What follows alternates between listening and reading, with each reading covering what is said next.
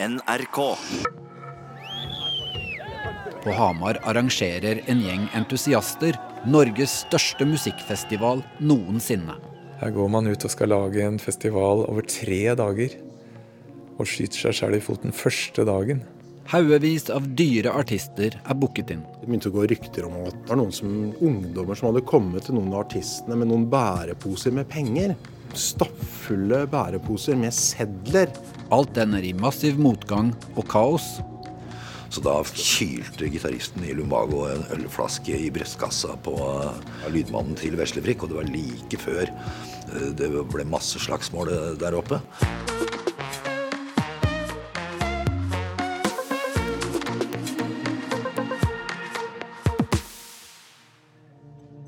Du hører på hele historien om tidenes kaosfestival Hamar 81 av Sven Arild Storberget og Eivind Lie Nitter. Del to av to. Det er fredag 19.6.1981 og aller første dag av Hamarfestivalen Mot rus. Første artist skal på scenen klokka tre og heter Åge Aleksandersen. Kvelden skal avsluttes med superstjerna Mike Oldfield, som har solgt over ti millioner plater verden over. 17-åringen Askild Hagen gleder seg stort. Det var jo som et eventyr. Det så større ut enn Kalvefestivalen som vi bare hadde hørt om. Og dette ligna på Roskildefestivalen, som vi også bare hadde hørt om. Det var nesten for godt til å være sant å få alle disse artistene og denne svære festivalen nesten inn i, i stua. Jeg har jo drømmen om å få lov til å være med på Woodstock i Norge når jeg kommer opp. Så her skal det bare være fred og happiness. Ivar Dyrhaug skal være konferansier og er på vei opp til festivalområdet. Jeg kjører bil da, får lov til å kjøre helt inn på området og er veldig spent. Det er noen timer igjen til det skal brake løs, og jeg er veldig spent på hvordan scenen ser ut. hvordan ting henger på plass, og hvor mye publikum som er kommet, ikke minst. For dette er jo ganske Det er ganske tidlig på fredag, da. Og det er en del publikummere der, men det som ikke er der, er en bygget scene. Den bankes det på for harde livet, og jeg skjønner at her ligger man etter. Og da begynner jeg å ha en mistanke om at dette her kan bære litt ille av Det er flere grunner til at festivalen ligger etter. Da politiet ga tillatelse til festivalen, var det med forbehold om at toaletter og sanitære forhold var på plass og godkjent av Helserådet. Leder for Helserådet, Hans Petter Skjønsby, har det øverste ansvaret. I forkant av festivalen føler han seg pressa fra flere hold. Det var forskjellige instanser som prøvde å påvirke oss til å avlyse, treffe tiltak til å få avlyst denne festivalen. Den endelige godkjenningen skal skje på morgenen første festivaldag. Og Skjønsby har fortsatt mulighet til å stanse festivalen før den har kommet i gang. Nei, jeg måtte jo få kontrollert vannforsyningen. Og så var dette med toalettsystemet, det var viktig. Og mm, det var disse to tingene som var helt, helt vesentlige for, som, for oss. Helserådets krav er at 150 toaletter må være på plass. Vidar Moen i festivalstaben synes det er urimelig. Men det viste jo at kravene de hadde til Hammerfestivalen, var mye sterkere enn krav de hadde til andre arrangement. Da, på, også tregangeren med antall toaletter og sånt. da. Så det var ekstra strenge, da. Toaletter husker jeg vi har vært krise i forhold, til, i forhold til å få dem på plass.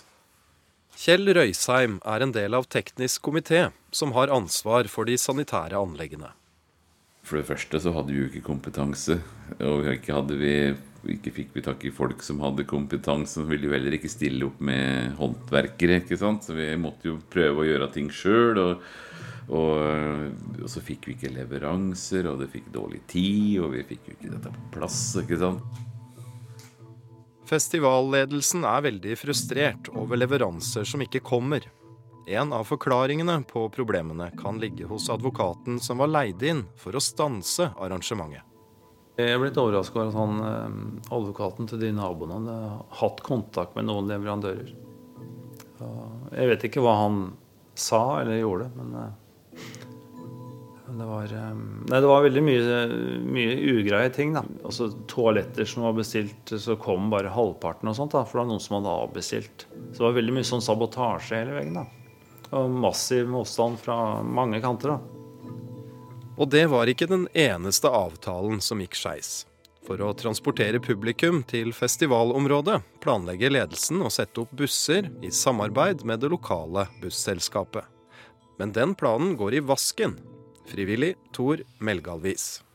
De, de, skulle ha penger på forhånd. De forlangte 50 000 kroner. eller noe sånt. Mener, ja, ta den der litt med en klype salt. Men de forlangte i hvert fall en pengesum på forhånd som arrangørene ikke hadde råd til.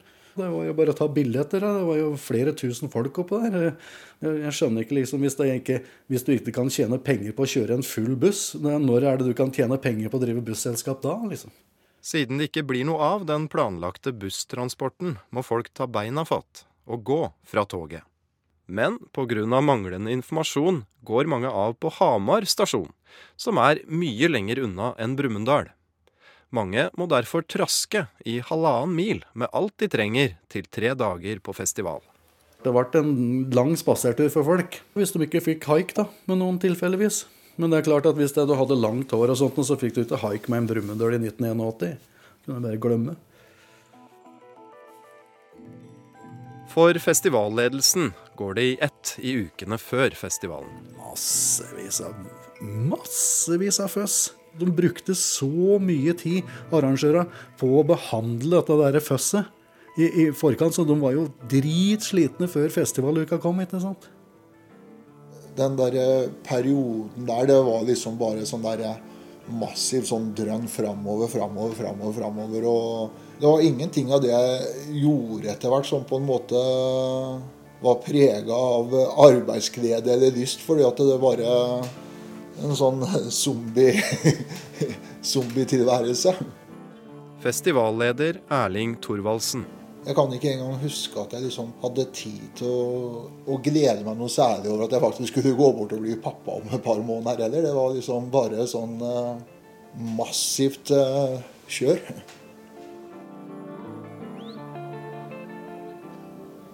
Det var uh, preget av kaos, hele, hele arrangementet. På morgenen første festivaldag inspiserer lederen i Helserådet, Hans Petter Skjønsby, festivalområdet. Mange av artistene og mye publikum er alt på plass. Men dersom han mener de sanitære forholdene ikke er gode nok, har han mulighet til å stanse festivalen før den har kommet i gang. Eh, disse provisoriske doene, eller transportable doene, var, var til stede. De var kommet. De var eh, strømlinjeformet de og sto på rekke og rad midt oppi amfien der. Og vannforsyningen var for så vidt eh, grei. Det helt grunnleggende syntes å være i orden. Men vi ristet våre hoder. Det var på hengende håret at vi ikke avlyste hele greia. Eller anbefalte at eh, festivalen burde Eh, utsettes eller arrangeres på en helt annen, annen måte.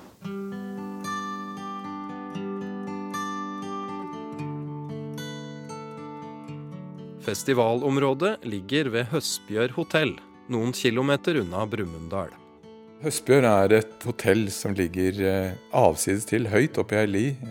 Og du ser langt når du kommer så høyt opp.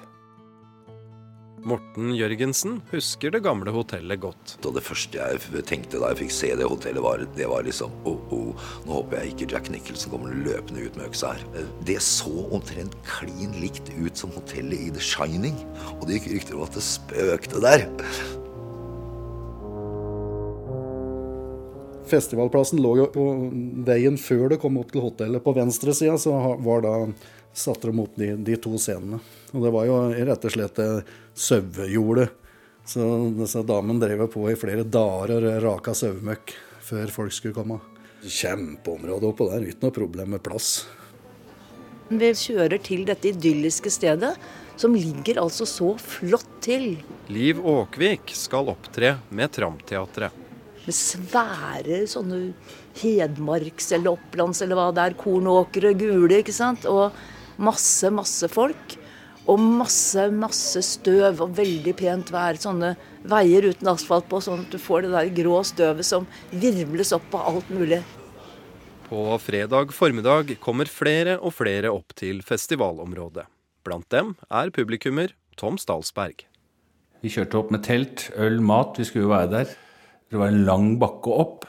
Vi fikk beskjed om å parkere ganske langt unna. Ehm, jeg vet ikke om jeg tør å si dette her, men jeg sa til kompisen min kan ikke du bare kaste et teppe over bena, så sier vi at du har problemer med å gå. Ehm, da skjønte vi at eh, her kunne vi kjøre helt til døra. Og det gjorde vi. Beklager det veldig mye i ettertid at vi gjorde det. I 81 så var vi fortsatt ikke kommet til å til arbeidsskjorte. Vi hadde langt hår, olabukse og ørkensandaler. Store ryggsekker, store bæreposer med mat og drikke. Sånn så stort sett alle ut.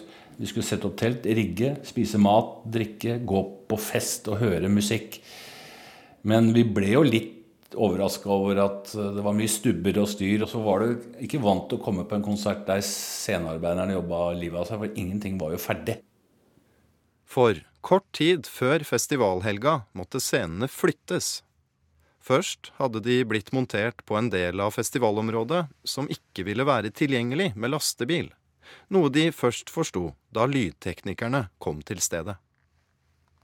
På toppen av dette var lydanlegget ett døgn forsinka etter å ha blitt stoppa på vei gjennom Sverige. I forkant av midtsommersafton i 1981 var det nemlig ikke tillatt å kjøre tungtransport på svenske veier. Så, når programmet skal starte, er verken scener eller lydanlegg klare. For å prøve å holde publikum varme sendes Ivar Dyrhaug ut på scenen. Jeg får jo bare vite at uh, nå ligger vi etter. Uh, vi får, alle artistene vi har i kveld på dagens program, får ikke spilt. Kan du gå ned og holde motet oppe hos folk? Vi jobber på harde liv, og vi skal få det til. Og vi begynner snart, vi begynner snart, vi begynner snart. Jeg husker at jeg står på scenen og sier nå går det forover her, folkens. Håper dere har det bra. Hold ut, varm hverandre. Og tikk, tikk. Tida går.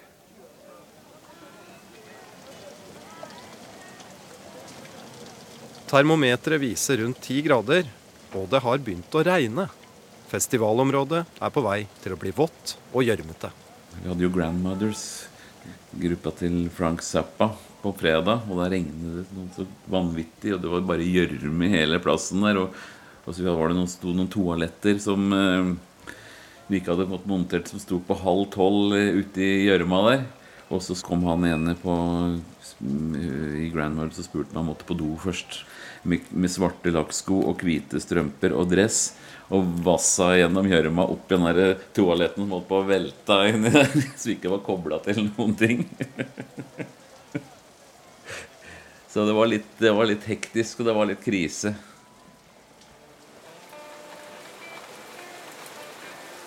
Jeg ser en diger eh, trailer komme ryggende mot scenen. For å kjøre da inntil scenen, selvfølgelig. Eh, og trille opp alt utstyret som Mike Oldfield har med seg. Traileren til hovedattraksjonen, Mike Oldfield, har kommet fram i det voldsomme regnværet. Og de svære hjula sklei i gjørme og søl som det var blitt ved scenen. Og de sto der og spant fram og tilbake og kom ikke fram. Og ble stående fast. Hva i all verden er det som skjer nå?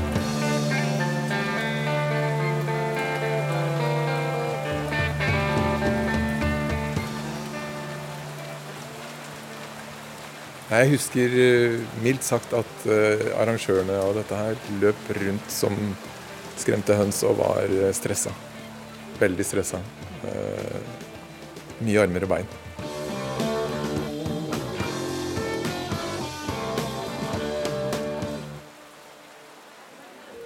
Det var mye frustrasjon den første altså Du kommer opp og gleder deg noe grenseløst en helg, og festivalen skal starte rundt klokka tre. Og det, klokka ble fire, den ble fem, den ble seks, den ble sju, den ble åtte. Det skjedde absolutt ingenting på scenen. Ingen band. Så det ble mye venting. Eh, det ble en del skriking, buing, oppgitthet, banning. Samtidig har festivalen et annet problem de må løse. Tor Arne Uskin, som er på festivalen for å opptre med Grenland Friteater, er inne på hotellet når ledelsen får en ny, dramatisk beskjed. Så kommer det inn en fyr i kjeledress og sier at uh, hvis ikke jeg får 20 000 kroner nå, så, så skrur jeg av strømmen. Kraftselskapet, det var vel Hamar region E-verk, som ikke ville koble på strøm før de fikk penger. Det ble snakka om at vi kutter strømmen, vi kutter strømmen. Og jeg husker bare at det var et av mange spenningsmomenter.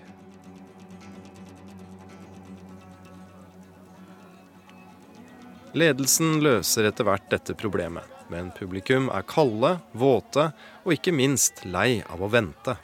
Du står i gjørme og er våt, møkkete. Festivalen er mange timer forsinka, og det er ingen sjanse for at alle bandene som er satt opp på fredag, vil få spille. Festivalledelsen bestemmer at det kun er tid til to band, Grandmothers og Mike Oldfield. Konferansier Ivar Dyrhaug går på scenen. Det er bare få ut adrenalin på. Klokka er halv ti. Og det er å rope Jeg vet ikke, er ikke alle som liker å banne, så jeg tenker at hvis alle roper fy, og så kan de som vil banne etterpå, mens de som ikke vil banne, kan stikke fingra i øra. Én, to, tre.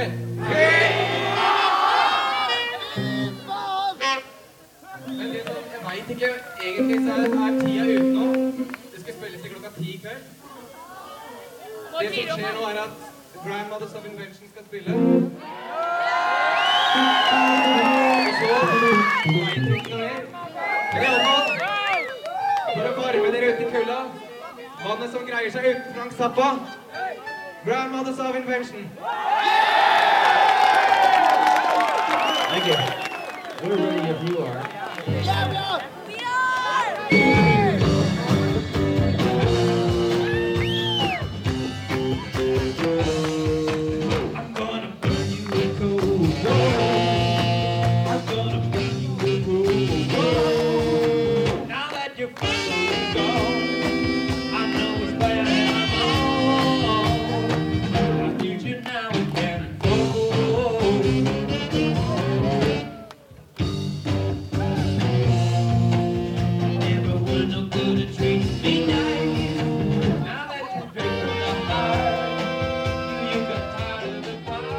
Stemninga har vært oppgitt i mange timer, men blir tydelig bedre idet musikken endelig slår utover jordene på Hedmarken.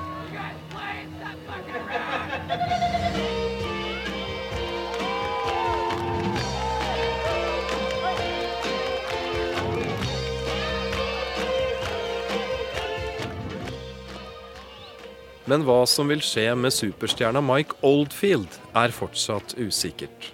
Klokka er allerede over ti, som er maksgrensa satt av kommunen. Etter dette skal det være nattero. Mannen som kan gi dispensasjon til å spille videre, er på stedet. Det er lensmannen i Brumunddal. Samme mann som tidligere har sagt nei til festivalen. Og, han hadde vel liksom en sånn litt negativ eh, bias allerede. Ettersom vi hadde anka hans nei en gang før. Så.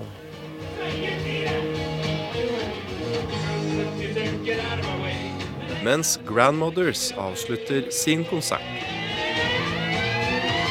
Så prøver festivalledelsen desperat å få tillatelse til å fortsette, slik at hovedattraksjonen, Mike Oldfield, får spilt.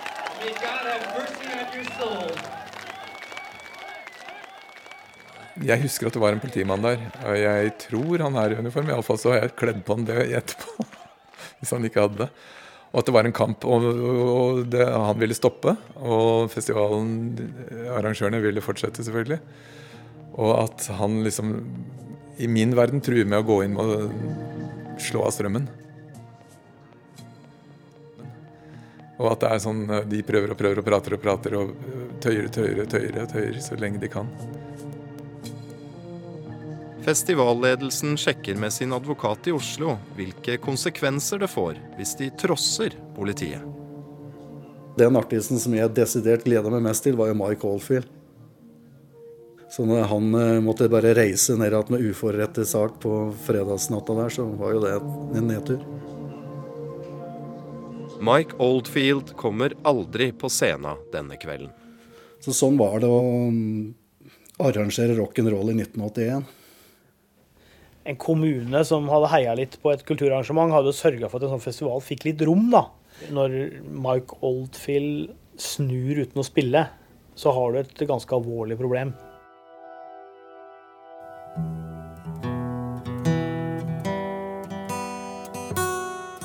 I just like to say I really have a lot of respect for the Norwegian people for being out there in that weather tonight and waiting as long as they did.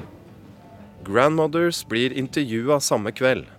De hyller det tålmodige publikummet og har vondt av arrangørene. You think it'll go on tomorrow? Yeah, hopefully. Yeah. Now they have the sound going. Mm-hmm. Well, I sure hope they see some sun the next couple of days. And I'd like to see the festival be a total success. We really hope that happens. They certainly have treated us Beautiful. royally. Jeg husker at tenkte jeg at her står jeg midt oppi en eh, situasjon som aldri noen har stått i før, og aldri kommer til å gjenta seg. Dette er jo på mange måter historisk. Her går man ut og skal lage en festival over tre dager. Og skyter seg sjøl i foten, foten første dagen. Jeg tenkte herregud, hvordan skal vi komme oss gjennom og over dette her?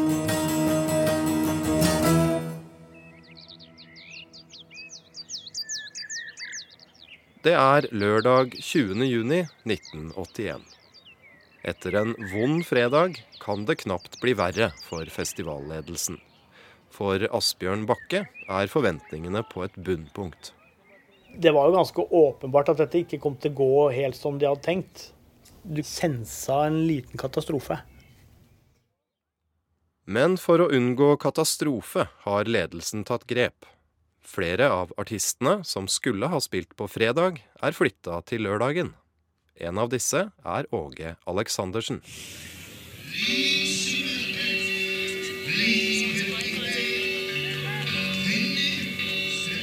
Dette her er nok eh, den konserten jeg husker best fra 1981.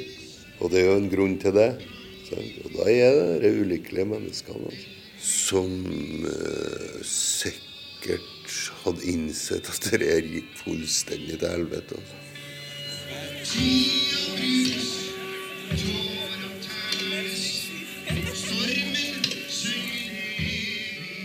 Men regnet har endelig gitt seg, og stemninga på festivalen er i ferd med å snu.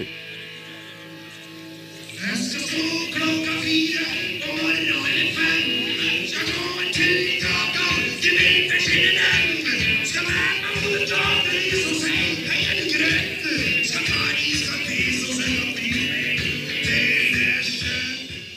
Åge Aleksandersen er det en spesiell opplevelse på flere måter.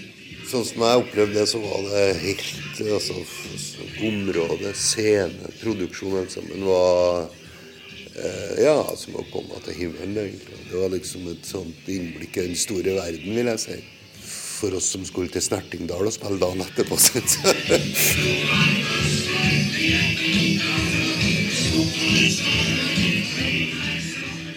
For Tor Melgalvis er også Åge et høydepunkt.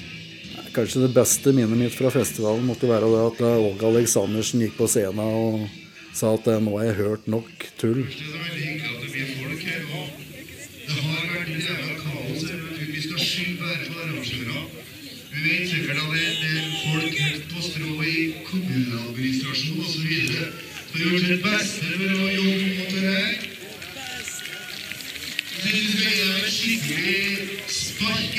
som har oppført seg så jævlig, og gir vi arrangøren skikkelig applaus for det. Er ikke deres feil. Så, så det må jo kanskje være det feteste som jeg syns var på hele festivalen. At det er noen som turte faktisk å stå opp og, og si det. Og det sier jo mye på grunn av at jeg var med og jobba og snekra litt og sånt, så jeg følte vel at jeg hadde en liten Var en bitte lita brikke i det. da.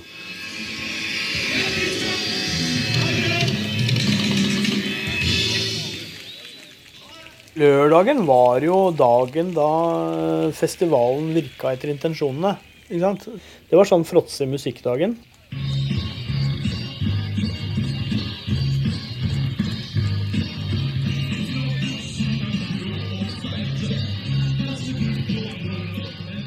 På fredagen kom det mindre folk enn arrangørene hadde håpa på. Men på lørdag har det tatt seg opp. Jeg mener at de folka som telte huer, at de mente det var en 7000-8000 der. Hvis vi trekker fra de store byene og eh, studentersamfunnene, så var det jo en sjeldenhet at vi spilte med flere enn 500 mennesker til sal, i salen. Så det var jo helt gull. Det, det, var, eh, det var stort. Morten Jørgensen i Lumbago.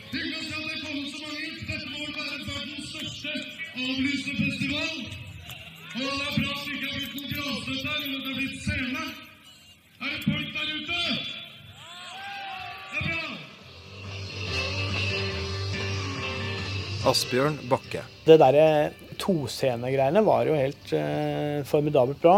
Vanligvis når du var på festival, sånn som i Horten og sånn, så gikk det jo liksom eh, halvtime, tre kvarter, time mellom hver band. da, Fordi at eh, det skulle jo rigges om. og På Hamar så gikk jo det nærmest det ene bandet av på den ene scenen, og så bare flytta du deg sidelengs eh, 50 eller 100 meter, og så, så, så var det en ny konsert. Så det var jo briljant sånn sett. Endelig funker festivalen slik arrangørene har drømt om. Det lydanlegget òg var vel det største som har stått på norsk jord. da. Hovedanlegget var 23,5 kW i hver kanal. Det syns vi var jævla stort. Så jeg husker de fyrte opp, da Entec fyrte opp anlegget, og så setter de på Pink Floyd med Money, og da skrangla penga fra Skreiafjella og helt bak til Brumunddal. Det var det feteste stereoanlegget jeg hadde hørt, i hvert fall til da.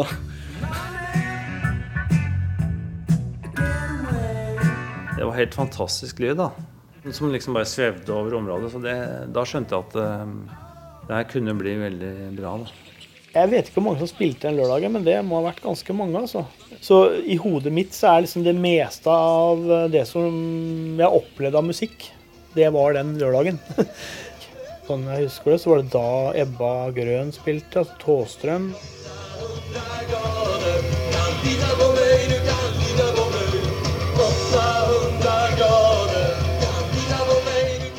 Det var Peter Torp, som var eh, scenemanager fra Roskildefestivalen, som var, eh, som var sjef på, på scenen på Høstbjørn. Så dette var jo på stell. Der da det gikk som best, eh, så var det jo helt suverent. Det gikk smakk, smakk, smakk. Kontrasten til gårsdagens fiasko er stor. Og aller siste band ut er det legendariske britiske bandet The Trogs. Kledd i hvite dresser går de på scenen og avslutter en vellykka lørdag med et budskap om kjærlighet.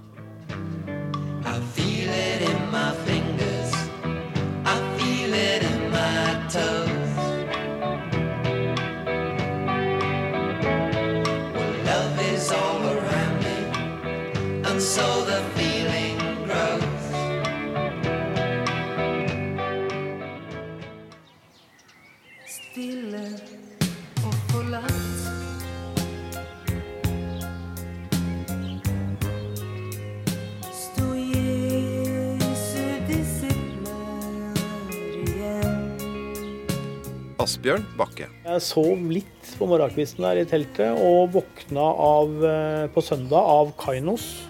Altså et kristenrockband som holdt et, eh, en type andakt eller noe som ligna det fra scenen. Som jeg oppfatta som litt sånn bisarre greier. Det var for å unngå omgå eh, kirketida. Altså at festivalen skulle kunne begynne før ett. Alt på søndag fram til ett var nitrist. Det er sånn det skulle være i Norge.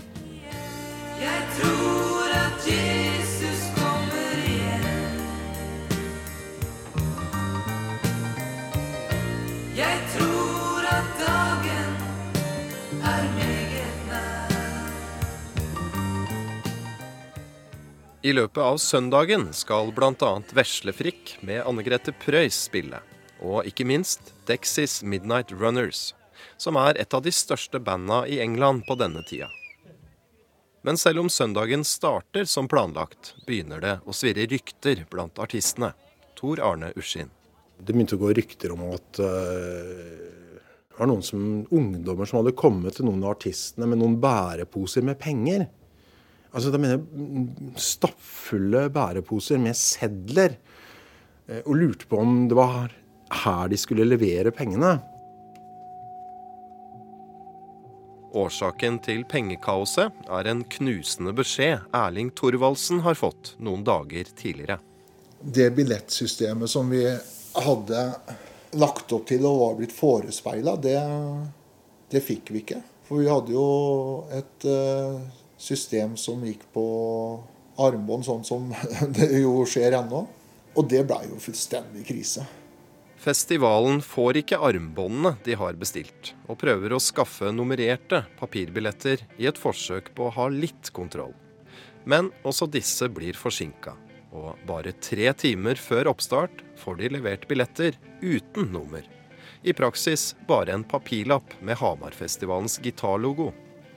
Da visste jeg at det kom til å bli rett og slett et helvete. Følelsen er jo at du liksom eh, Som om du skulle bli sendt til ei frontlinje. Hvor du skulle være en eneste som skulle, som skulle være en ene fronten, og så møter du 10 000 mann på andre sida. Omtrent den følelsen. og så Med et dårlig billettsystem er det også mulig å snike seg inn på en brukt billett. Folk er jo ikke bedre eller dårligere enn hva de faktisk få lov til å være. Og når det var et så elendig opplegg for eh, pengehåndtering som det tross alt var, så lå det jo der enorme muligheter for folk til å både stikke unna og, og skjule. Umiddelbart begynner ryktene å gå om at festivalen er tom for penger, og at eh, artisthonorarene står i fare. Når eh, pengene liksom ikke eh, kom til oss, så fikk vi jo et jævla trøkk fra artister. Og managementet deres, og det er jo naturlig nok. Så, mens festivalen ruller og går utenfor hotellet, kan et gryende artistopprør sette en stopper for alt sammen. Det kom en fra festivalen løpende til meg og sa Morten, Morten, du må hjelpe oss, vi blir beskyldt for å stjele penga. Etter å ha vært med på festivalens PR-turné kjenner Morten Jørgensen fra bandet Lumbago ledelsen godt. Og dermed så dro vi opp, og der var krangelen i full gang. Ja, der sto Anne Grete Preus i hele sin høyde, hun er jo 1,90 høy, med henda i sida og skreik og brølte til festivalledelsen og var rasende fordi at det ikke var penger til artistene. Og holdt en tale om artisters rettigheter og at hun var drittlei av å spille steder hvor arrangører var, eh, ikke hadde penger, og kom og unnskyldte seg etterpå. Eh, Hun trua med å gå ned på scenen og eh, bare fortelle alt og avbryte festivalen. Inne på hotellet samler det seg flere og flere av Norges største artister, internasjonale stjerner og støtteapparat. Hvor mange band som var der jeg, inne på det artistmøtet. Jeg husker det var mye folk, da. Jeg tipper eh, i hvert fall 100. Det var sikkert også, kanskje også med roadier og andre som lurte på om de fikk en krone etter å ha brukt helga si. I frokostsalen forsvarer en sliten festivalledelse seg så godt de kan. Chris Eriksen fra det aller verste.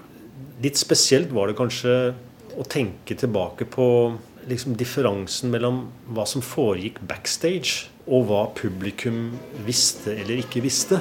Folk som da satt der ute og ante fred og ingen fare. Og så dette er eh, raseriet som var eh, Dette kaoset som var backstage. Så kom det forslag om streik. Og det var egentlig to fronter. Det var de som ville boikotte hele greia og ønska festivalen og arrangøren og alt til helvete. Det var ikke så lett å være artist på den tida. Du måtte ordne veldig mye sjøl. Det var veldig mye utgifter. Noen av dem ble, veldig, følte seg veldig lurt, da. Og andre hadde sånn innstilling eh, om at eh, når de først var der, så kunne de jo like godt spille, fordi det eneste som virkelig tapte, var jo publikum. Og da var det jo like før det ble full slåsskamp oppe i artist-backstagen oppe på, på hotellet. Hvor band sto mot band, og hvor eh, det utspant seg en rimelig voldsom krangel mellom på den ene siden Veslefrikk og det aller verste, og på den andre siden eh, Lumbago, altså mitt band, og Betonghysteria. Det første legendariske hardcore-bandet i, i Norge. Så da eh, kylte gitaristen i Lumbago en ølflaske i brystkassa på eh, lys, ja, lydmannen til Veslefrikk, og det var like før Eh, Det ble masse slagsmål eh, der oppe. Så det gikk eh, ganske, ganske hett, eh, hett for seg der, eh, der, eh, der oppe. Ja, det gjorde det. Hotelldirektøren han sa at hvis dere skal få bo her i natt og ha frokost i morgen, så skal jeg ha penger for det. For nå er det 250 mennesker som har spist her i tre dager på min regning. Og eh, da hotelldirektøren sa at han ville ha noe, så, så var Tåstrøms svar You want us to destroy this place? Det var altså et kaos som det ikke er mulig å forestille seg på en av dagens festivaler. Det var det eneste som manglet, det var at Monty Python skulle komme inn og si at her kommer den spanske inkvisisjonen, så hadde de toppa seg fullstendig. Det var liksom det eneste som mangla. Så kommer en beskjed som ikke hjelper på stemninga. At festivalsjefen gir forsøk på å dempe gemyttene hos eh, en stadig voksende gjeng med rasende artister, holdt en tale hvor det første, hvor det, hvor det første han sa, var eh, Jeg har en god nyhet. Og det er at Mike Overfield kommer tilbake neste år. Det var vel kanskje ikke så mange på det møtet som trodde noe på. da. Så kommer da denne utrolige påstanden eller sannheten eller hva det måtte være, at Mike Oldfield hadde tømt kassa. Det var i hvert fall et sånt turning point. Da var det slutt på, på goodwillen fra artistene. Det er helt sikkert. Mike Oldfield skal ha fått utbetalt 150 000 kroner uten å ha spilt. Når det da går rykter om at eh, lederen for det hele er på vei ut av området med en stresskoffert med penger, da stiger temperaturen. Ole Paus, som får øye på en bil. Så var det noen som ropte, og der kjører han, der kjører han. Han stikker av. Ole Paus. Og jeg syns de andre var utrolig tafatte når så mange står og roper 'han kjører, han kjører'. Det er sånn, Plutselig det blir sånn norsk opera. En dårlig operaforestilling. Han kjører, han kjører. Stopp ham, da. Jeg er ikke noe spesielt handlekraftig, jeg, men jeg, jeg var mye mer handlekraftig enn dem. Men det, og det skulle ikke så mye til. En mann med solbriller og en eh, stresskoffert med masse penger i. Ole Paus kaster seg ut eh, foran veien og får stoppa bilen. Jeg har ikke gjort sånn så mange ganger i livet, sånn hoppe på en bil i fart for å stanse den, men det er, det er, det er faktisk mer underholdende enn man skulle tro. Altså. Og det gjør et veldig inntrykk på den som sitter i bilen nå. Så han stoppet, da. Og- masse rasende artister løper til med store, sterke Anne Grete Preus i spissen. Eh, forfølger fyren tilbake igjen til hotellet. Mannen som blir tatt med tilbake på hotellet, heter Ivar Nøkleby, og har egentlig ikke noe med festivalstaben å gjøre. Han driver et selskap som har ansvar for flere av artistene. Jeg blei jo beskyldt for å ha stukket av gårde med en hel masse penger. Da gikk vi inn på der hvor politiet satt. Og så sa jeg til Ola at ålreit, nå i vitners nærvær så får du åpne kofferten. Og det, det ville han ikke. Selvfølgelig, for hvis det ikke var penger, så hadde jo han driti seg ut. Så han ville ikke miste ansikt. Så den kofferten blei jo aldri åpna. Men egentlig i ettertid så tenkte jeg jeg kunne ha åpna den sjøl, men jeg veit ikke hvorfor jeg ikke gjorde det. Men øh, jeg følte at det var Ole Paus som skulle det. Han beskyldte meg, og da fikk han ta konsekvensen.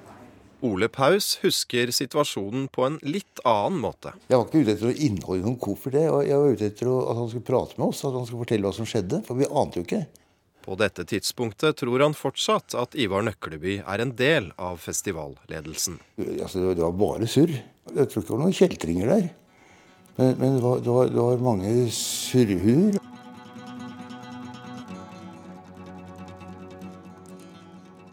Kun Nøkleby vet hva som var i kofferten.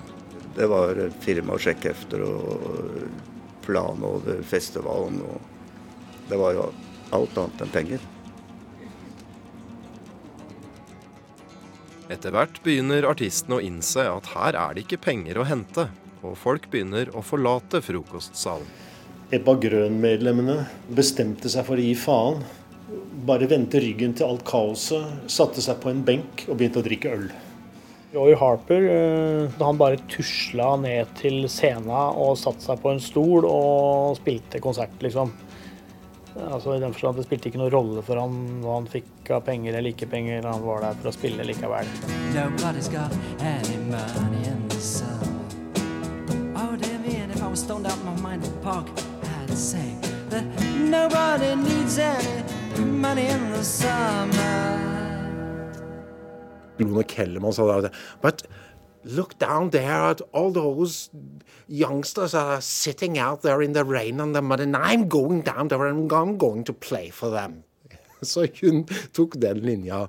Så var det en, en ung fyr som kanskje var 5-6-27, med langt hår og skjegg, sånn som oss andre. eh, Som liksom så ut som oss. Denne langhåra fyren er Erling Thorvaldsen. Han her er fyren fra arrangøren Han var i ferd med å gå helt opp i liminga. Det gikk helt trill rundt for ham, og han skjønte ikke noen ting. Han var i ferd med å bli helt psykotisk, tror jeg. Lone Kellerman sa at But look at him. We got to help him. Så da svarte en av de der gutta fra The Trugs Help him! I'll bloody well get a rope and hang him, that's what we're gonna do.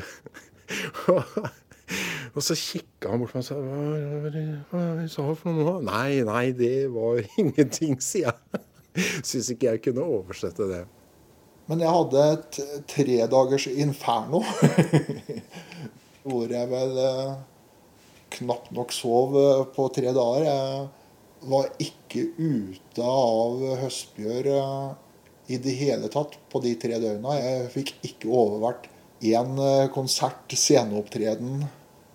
Kranglinga med artistene husker han nesten ingenting av. Jeg kan egentlig ikke si så mye om det. Det, det blir så absurd. Jeg var vel eh, der da at jeg på en måte hadde overgitt meg, så at jeg fungerte vel egentlig bare som en sånn punchingball. Det eneste jeg husker, er faktisk at Anne Grete Preus spytta på meg. Og det, det, har jeg, det har jeg egentlig heller aldri klandra henne for.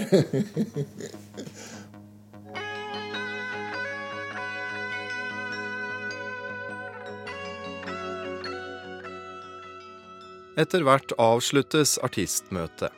Erling Thorvaldsen forteller at alt som er igjen av penger, er det som står på hans private bankkonto. Medlemmene i The Trogs våker over Thorvaldsen mens han sover, for å forsikre seg om at han ikke stikker av.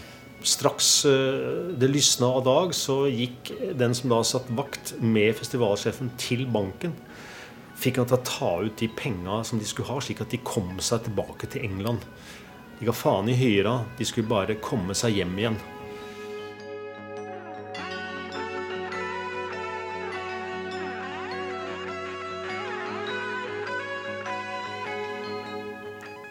Når eh, festivalen var over, så, så var definitivt alt over. Eh, Jeg hadde noen eh, måneder hvor jeg fikk jævla mye pes. Jeg, folk som ikke hadde fått pengene sine. Det var jo vemmelig. Det var slitsomt. jeg- har eh, ikke vært på festival etterpå.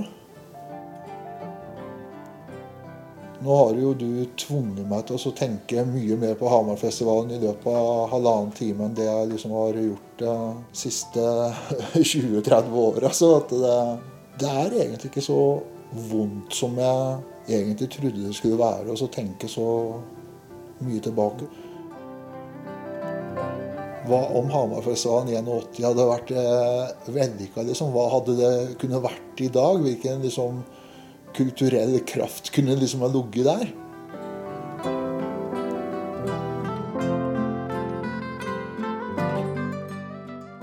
Hamarfestivalen 1981 ender opp med et stort underskudd, og de blir også politianmeldt. Men selv om politiet finner mye rot, finner de ingen bevis på bevisst underslag. I lokalavisa er det også skryt fra publikum for musikken de faktisk fikk oppleve. Om en 10-20-30 år så, så hadde det jo selvfølgelig vært ålreit at det ble huska for at det, det var folk som prøvde å få til noe ålreit. Både for seg sjøl og for andre. Og som eh, mislykkes i det, men som i hvert fall gjorde det de kunne for å få det til. Altså, Noe mer enn det skal han ikke ønske seg. Vi er barn av vår tid. Vi er barn av vår tid. Er du redd for ditt eget barn, lilla mamma?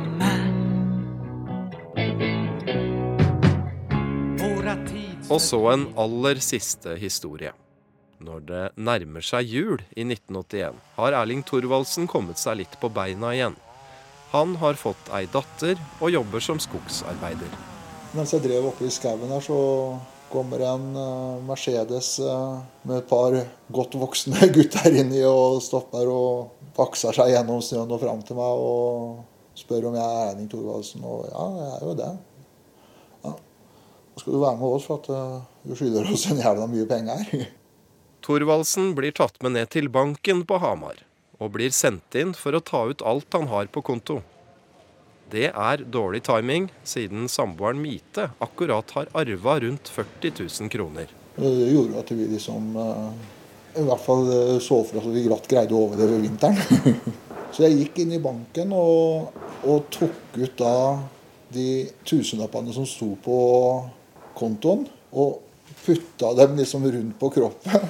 Og så ba jeg om å få en bankoutskrift som viste null kroner, og som jeg da viste disse guttene. Da ble det litt sånn småknuffing, og så, og så dro de. Og det, det, var vel egentlig siste, liksom, den siste episoden jeg var borti med de greiene der. Det var jo skremmende, og det var jo også skremmende for familien. Så vi bestemte oss eh, da på vinteren eh, da 81-82 at vi flytter til Fredrikstad, liksom. For å få den der eh, avstanden til det.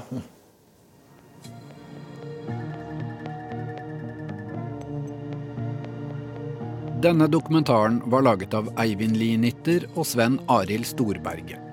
Likte du musikken, så finner du en spilleliste i Spotify ved å søke etter 'Tidenes kaosfestival Hamar 1981'. Jeg heter Kjetil Saugestad og var konsulent. Lyd etterarbeid ved Kjetil Hansen. Og kommentaren ble lest av Martin Fjørtoft. Send oss gjerne respons på e-post radiodok krøllalfa nrk.no. En takk til NRKs researchsenter, Tom Håkenstad og Peter Daatland i Filt.